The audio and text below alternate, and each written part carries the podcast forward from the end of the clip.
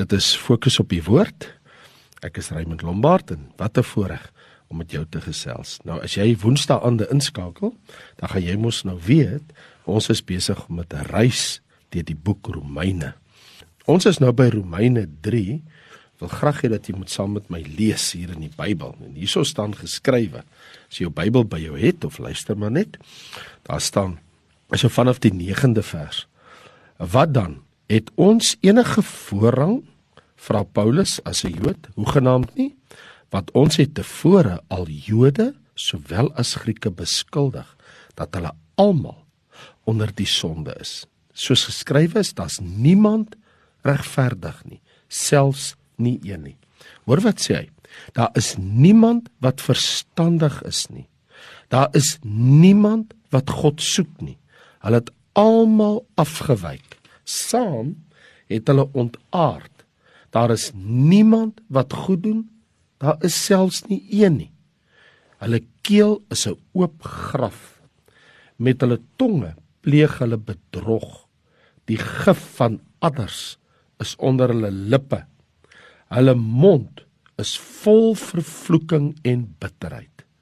Haastig is hulle voete om bloed te vergiet. Verwoesting en elende is in hulle paaie. Die weg van vrede ken hulle nie. Daar is geen vrees van God voor hulle oë nie. Nou weet ons dat alles wat die wet sê, hy dit sê vir die wat onder die wet is, sodat elke mond gestop en die hele wêreld voor God doemwaardig kan wees. Aangesien uit die werke van die wet geen vlees voor hom geregverdig sal word nie, want deur die wet is die kennis van die sonde. In vers 23 Almal het gesondig en ontbreek hulle aan die heerlikheid van God. Is dit nie verskriklik wat ek nou hier vir jou gelees het? Dat die hele wêreld staan skuldig voor die God van die hemel. Ek en jy kom ons daarom nou al 'n paar weke lank wat ons mos nou gesien het waar Paulus in hoofstuk 1 vir ons sê die regverdige sal deur die geloof lewe, maar in dieselfde asem, in dieselfde hoofstuk sê hy mos die hele heidense wêreld staan skuldig voor God. En in Romeine 1 het hy mos nou verduidelik dat die lewe wat God buite rekening laat, staan skuldig. In hoofstuk 2 het ek en jy gesien verduidelik hy vir ons die hele Joodse wêreld staan skuldig voor God. En nou hier in hoofstuk 3 het ek en jy sopas gesien dat die hele wêreld staan skuldig voor God. Nou, wat dit betref, gebruik Paulus die woord almal, niemand. Hy sal byvoorbeeld sê almal is sondaars, almal is skuldig. En dan sê in vers 10, niemand is regverdig nie. Vers die eerste gedeelte. Niemand is verstandig nie. Vers 11 die tweede gedeelte. Niemand soek na God nie. Nou daardie herhaling van almal en niemand, dit is 'n aanduiding van die universaliteit van die menslike skuld voor God. Kom ek verduidelik dit vir jou so. Ek sou graag hierdie skrifgedeelte wat ek vir jou gelees het as volg wil verduidelik. Kom ons kyk net eers na die innerlike mens. Dit wat binne in die mens aangaan, want hy verduidelik daar in vers 11 en 12 oor die innerlike mens. Dan wat ons ontdek hier in hierdie woorde, daar's niemand wat verstandig is, niemand wat God soek, almal het afgewyk, saam met hulle almal ontaard, niemand wat goed doen nie, selfs nie een nie.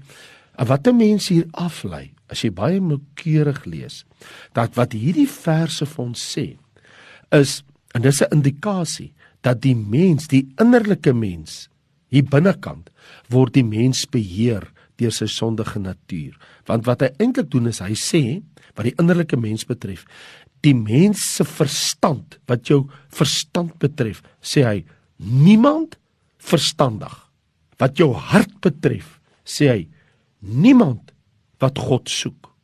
Wat jou wil betref, niemand doen goed nie. So jou verstand, jou hart en jou wil jag nie na God nie. Niemand verstandig, niemand soek God, niemand doen goed. Maar nou gaan hy tree verder. Nou praat hy oor die menslike spraak, die woorde wat uit my en jou mond uitkom. En hy sê in vers 13 en in vers 14: Hulle keel is 'n oop graf. Die keel van die mens is soos 'n graf. Die tong vers 13 pleeg bedrog. Die lippe die gif van adders, dit is giftige slange. En die mond, hulle mond maak hulle ook skuldig wat uit die mond uitgaan, vol vervloeking en bitterheid. So hy sê, hierdie sondige natuur wat in die mens is, wat die mens so skuldig maak, sy keel is soos 'n graf. Sy tong praat nie die waarheid nie, pleeg bedrog. Die lippe, daar's gif op die lippe. In die mond het vervloeking en bitterheid. Nou ons weet, daar is 'n koneksie tussen 'n mens se woorde en jou karakter. Want Jesus in Matteus hoofstuk 12, daar in vers 34, het dit baie duidelik uitgespel. Dit is nou Matteus 12 die 34ste vers. Want uit die oorvloed van die hart praat die mond. Ons het mos 'n spreekwoord in Afrikaans wat sê wat die hart van vol is, loop die mond van oor. Dit is wat gebeur. Nou vriende, dierbares, let mooi op. Wat sê die woord van die Here vir ons? Wat ons hier ontdek in Romeine. Paulus sê vir ons: die veroordeelde mond, hart, keel, tong, lippe. Dit kan verander word, maar dan moet dit 'n bekeerde mond, hart, keel, tong en lippe wees. Want duidelik sê hy vir ons later in Romeine, want hierdie is nou Romeine 3, aan Romeine 10, 'n paar hoofstukke verder sê hy, maar as jy met jou mond die Here Jesus bely en as jy met jou hart glo, sal jy gered word. Jy sien die verskil waar jy bedrog gespreek het en leuns en al hierdie ander goed sê, maar as jy met jou mond die Here Jesus bely.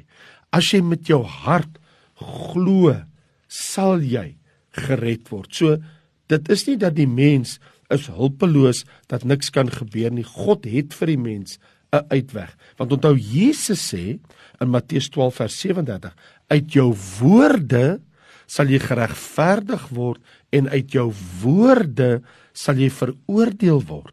So as jy met jou woorde met jou mond die Here Jesus bely en met jou hart glo, gaan dit jou tot geregtigheid dien. Maar nou gaan hy nog verder, nê, in Romeine 3. Hy sê die hele wêreld wat so doemwaardig en skuldig voor God is, hy sê kyk maar net na die mense voete. Dan sê hy daarin van vers 15: Haastig is hulle voete. Haastig om bloed te vergiet. So nie net leer ons van die mense innerlike mens wat skuldig is en die mense spraak wat by sy mond uit gaan woorde hy skuldig in sy hart en in sy gedagtes nou kom dit by sy mond uit maar nou sê hy maar jy sien dit in hulle voete kyk waar loop hulle hy maak hom skuldig in sy wandel Hy maak hom skuldig in die weg, sy paaie wat hy deur die lewe gaan. Nou hier kan jy duidelik die sondaar mens se voete sien in Romeine 3 vers 15 tot 17. Hy sê hulle voete is haastig om bloed te vergiet, elende en verwoesting is in hulle paaie en daar is geen vrees vir God. Hulle ken nie die weg van vrede. In ander woorde, net so bedrieglik as die mens se woorde is die weë van die mens want die verlore mens hy wandel en hy loop op die weg van die dood en verwoesting. Nou dis 'n tragedie. Ek wil dit mag nie vir jou en my dalk onmiddellik so skyn te wees nie.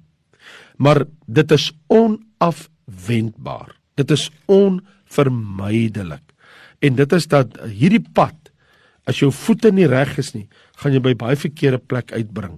Ek bedoel Jesus sê tog in Matteus 7 vers 13 en 14 wyd is die pad wat na die verderf lei. Smal is die weg wat na die heerlikheid na die hemel lei. So Jesus leer ons daar is twee weë waarop 'n mens se voete hom bevind. En dit is of op die breë pad of op die smal weg dit laat my dink in Santa Barbara in Kalifornië is 'n straat met die baie interessante naam van Salsipedes. Nou Salsipedes is Spaans vir 'n pad, 'n sekere straat wat beteken verlaat as jy kan. Luister nou mooi. So hierdie Spaanse sprekende stadsvaders toe hulle 'n sekere roete beplan het in Santa Barbara toe die stadsbeplanners omrede die straat wat hulle nou wil laat bou of die pad loop teen 'n moeras langs 'n moeras. En soms as daar vreeslike reëns kom dan oorspoel water oor die moeras en natuurlik kan dit oor die pad gaan in al die huise wat daar gebou is en dit kan baie gevaar wees daarnaas so toe kies hulle die naam vir die pad as 'n subtiele waarskuwing salsipedes in ander woorde bly weg van hierdie pad af. So so goed as wat jy kan. En Jesus sê vir jou en my, Salsipedes, verlaat die breë pad. Kom op die nou weg so vinnig as jy kan. Want daai breë pad is die pad van elende, van hartseer, van die dood, uh van uh, distraction and terrible things that's going to happen on that way. En so Die feit is, die hele wêreld is skuldig voor God. Almal is op die verkeerde pad tot hulle by Jesus kom. Want dit bring jou op die smal weg. Nou ek weet, daar's diegene wat met my sal wil twis, met my wil redekavel, met my wil argumenteer en hulle self wil regverdig. Maar die punt is, daar is geen debat of verdediging nie. Jy en ek is almal skuldig. Ons almal. Die hele wêreld is skuldig. Hoofstuk 1 van Romeine sê al die heidene is skuldig. Hoofstuk 2 van Romeine sê al die Jode is skuldig. Hoofstuk 3 van Romeine sê alle mense is skuldig voor God. Nie een van ons kan ons eie geregtigheid roem voor die Here nie. Die heidene staan veroordeel op die basis van hulle gewete. Die Jode staan veroordeel op die basis van die wet waarop hulle beroem. So, let nou keurig op hierdie woordjie in Romeine 3 vers 20 wat ek vir jou gelees het. Hy sê: "Aangesien uit die werke van die wet geen vlees vir hom geregverdig sal word." Hy sê: "Jy kan maar probeer so hard as wat jy wil in jouself. Jy kan dit nie reg kry nie, want ons het mos die sondige natuur in ons, maar hy gebruik die woordjie aangesien. Aangesien beteken in Engels because. In ander woorde, dit gee die rede waarom die hele wêreld voor God skuldig staan. Aangesien uit my eie werke ek my nie voor God kan regverdig nie. Nie 'n Jood, nie 'n heiden kan daarin slag om God se wet, God se standaard te bereik nie. Want die woord sonde beteken mos eintlik om die merk te mis. As jy al ooit gewonder het, die woordjie sonde, as ek sê sonde, wat beteken die woordjie sonde. Sonde beteken ek het God se merk gemis. Ek mis die hemel. Ek ek ek kan dit nie haal nie. Dit is soos om na teiken te skiet en jy bly te laag skiet. Jy kan nie die teiken tref nie. So die mens in homself, hy bly die teiken mis. Elke keer as jy dink jy gaan die teiken haal, dan mis jy die teiken. So, maar hoe kan ek dan gered word? Nou daardie verduideliking, daardie antwoord is waarmee die res van die hele boek Romeine om besig hou. Verder in hoofstuk 3, hoofstuk 4 tot by hoofstuk 16. Dis waaroor die hele boek Romeine gaan. Dit is Paulus se antwoord nou dat hy in hoofstuk 1, 2 en 3 vir ons gewys het, maar ons is almal skuldig. Die hele wêreld is skuldig voor God. En ons is almal verdoem voor die Here.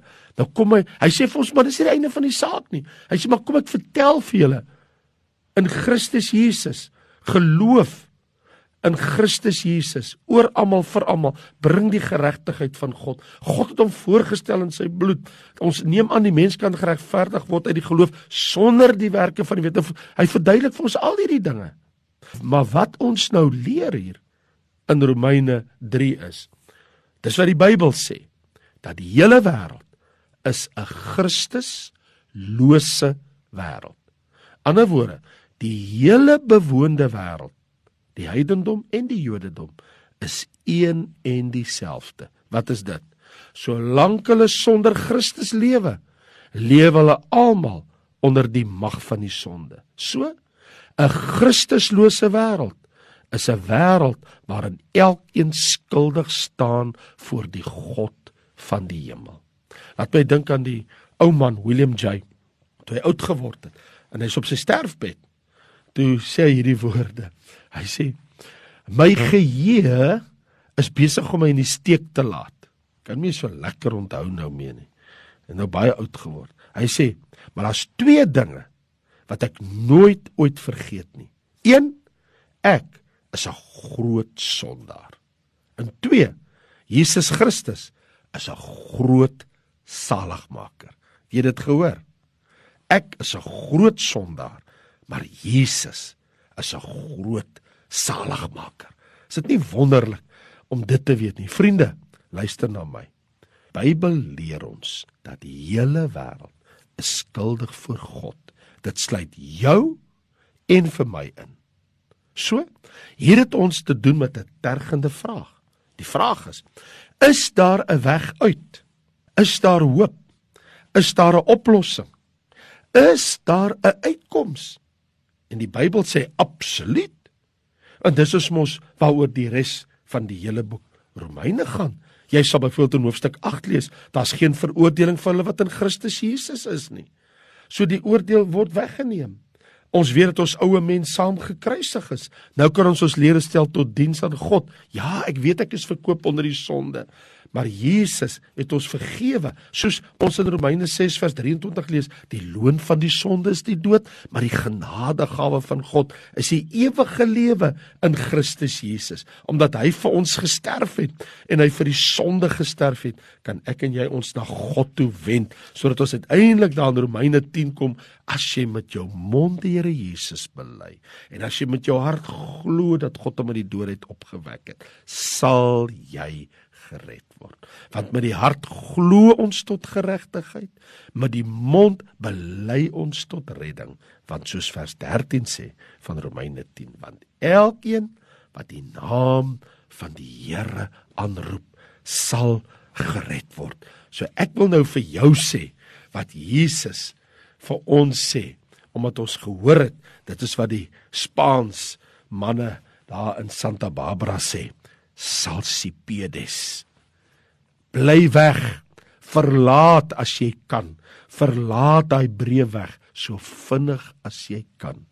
Want onthou Jesus sê vir ons, daai breë weg lei na die verderf, maar die smal weg lei na die heerlikheid van God. So my vraag aan jou is, waar is jy op hierdie oomblik? Op watter weg is jy? Saam met wie assosieer jy? Waar is jou hart voor God? Wat is in jou mond? Wat is in jou hart? Waar gaan jou voete heen? Wat is in jou keel? Want ek lees hier dat Jesus sê: "Gaan in deur die nou poort, want breed is die poort en wyd is die pad wat na die verderf lei en daar's baie wat daardeur ingaan. Want die poort is nou en die pad is smal wat na die lewe lei en daar is min wat dit vind. Baie is op daai breë pad. Min is op die smaalweg. Salsipedes wil ek vir jou sê. Verlaat daai breë pad so gou as jy kan en kom deur die nou poort. Nou hoekom ek deur die nou poort? Jesus sê vir Nikodemus, jy moet weer gebore word. Hy sê jy moet 'n geestelike geboorte deurgaan. Voorwaar ek sê vir jou, As jy nie weergebore word, kan jy koninkryk van God nie sien nie en jy kan nie ingaan nie. So ek wil nou vir jou sê, jy moet die besluit neem. Ek moet deur hy nou poort. Daar staan mos in gaan in deur die nou poort. As jy eers in die nou poort is, dan is jy op die smal weg. En dan is jy veilig. Maar as jy op daai breë pad is, dan wil ek vir jou sê, salsipedes, jy moet wegkom daar, want dit gaan vir jou lei na vreeslike einde toe. Ag Vader, Ek wil vir u baie dankie sê vir u wonderlike woord en dat u so uit die kosbare woord ons waarsku en vir ons sê moenie op daai pad bly nie. Daai pad lei na destruksie. Daai pad lei na elende en verwoesting. Maar gaan in deur die nou poort. Kom deur die wedergeboorte. Bekeer jou. Keer na Christus toe. Draai om van daai breë pad af. Kom af van daai pad want daai water kom, daai moras gaan oorspoel en dan gaan dit alles vernietig. Ag Vader, ek bid in die naam van Jesus. Help ons Here om te bly op die smal weg wat na die heerlike hemelstad lei. Dankie Here dat ons weet as jy met jou mond die Here Jesus bely en met jou hart glo dat God hom uit die dood het opgewek het, kan ons gered word. Dankie Here vir saligheid in Jesus lieflike naam. Amen.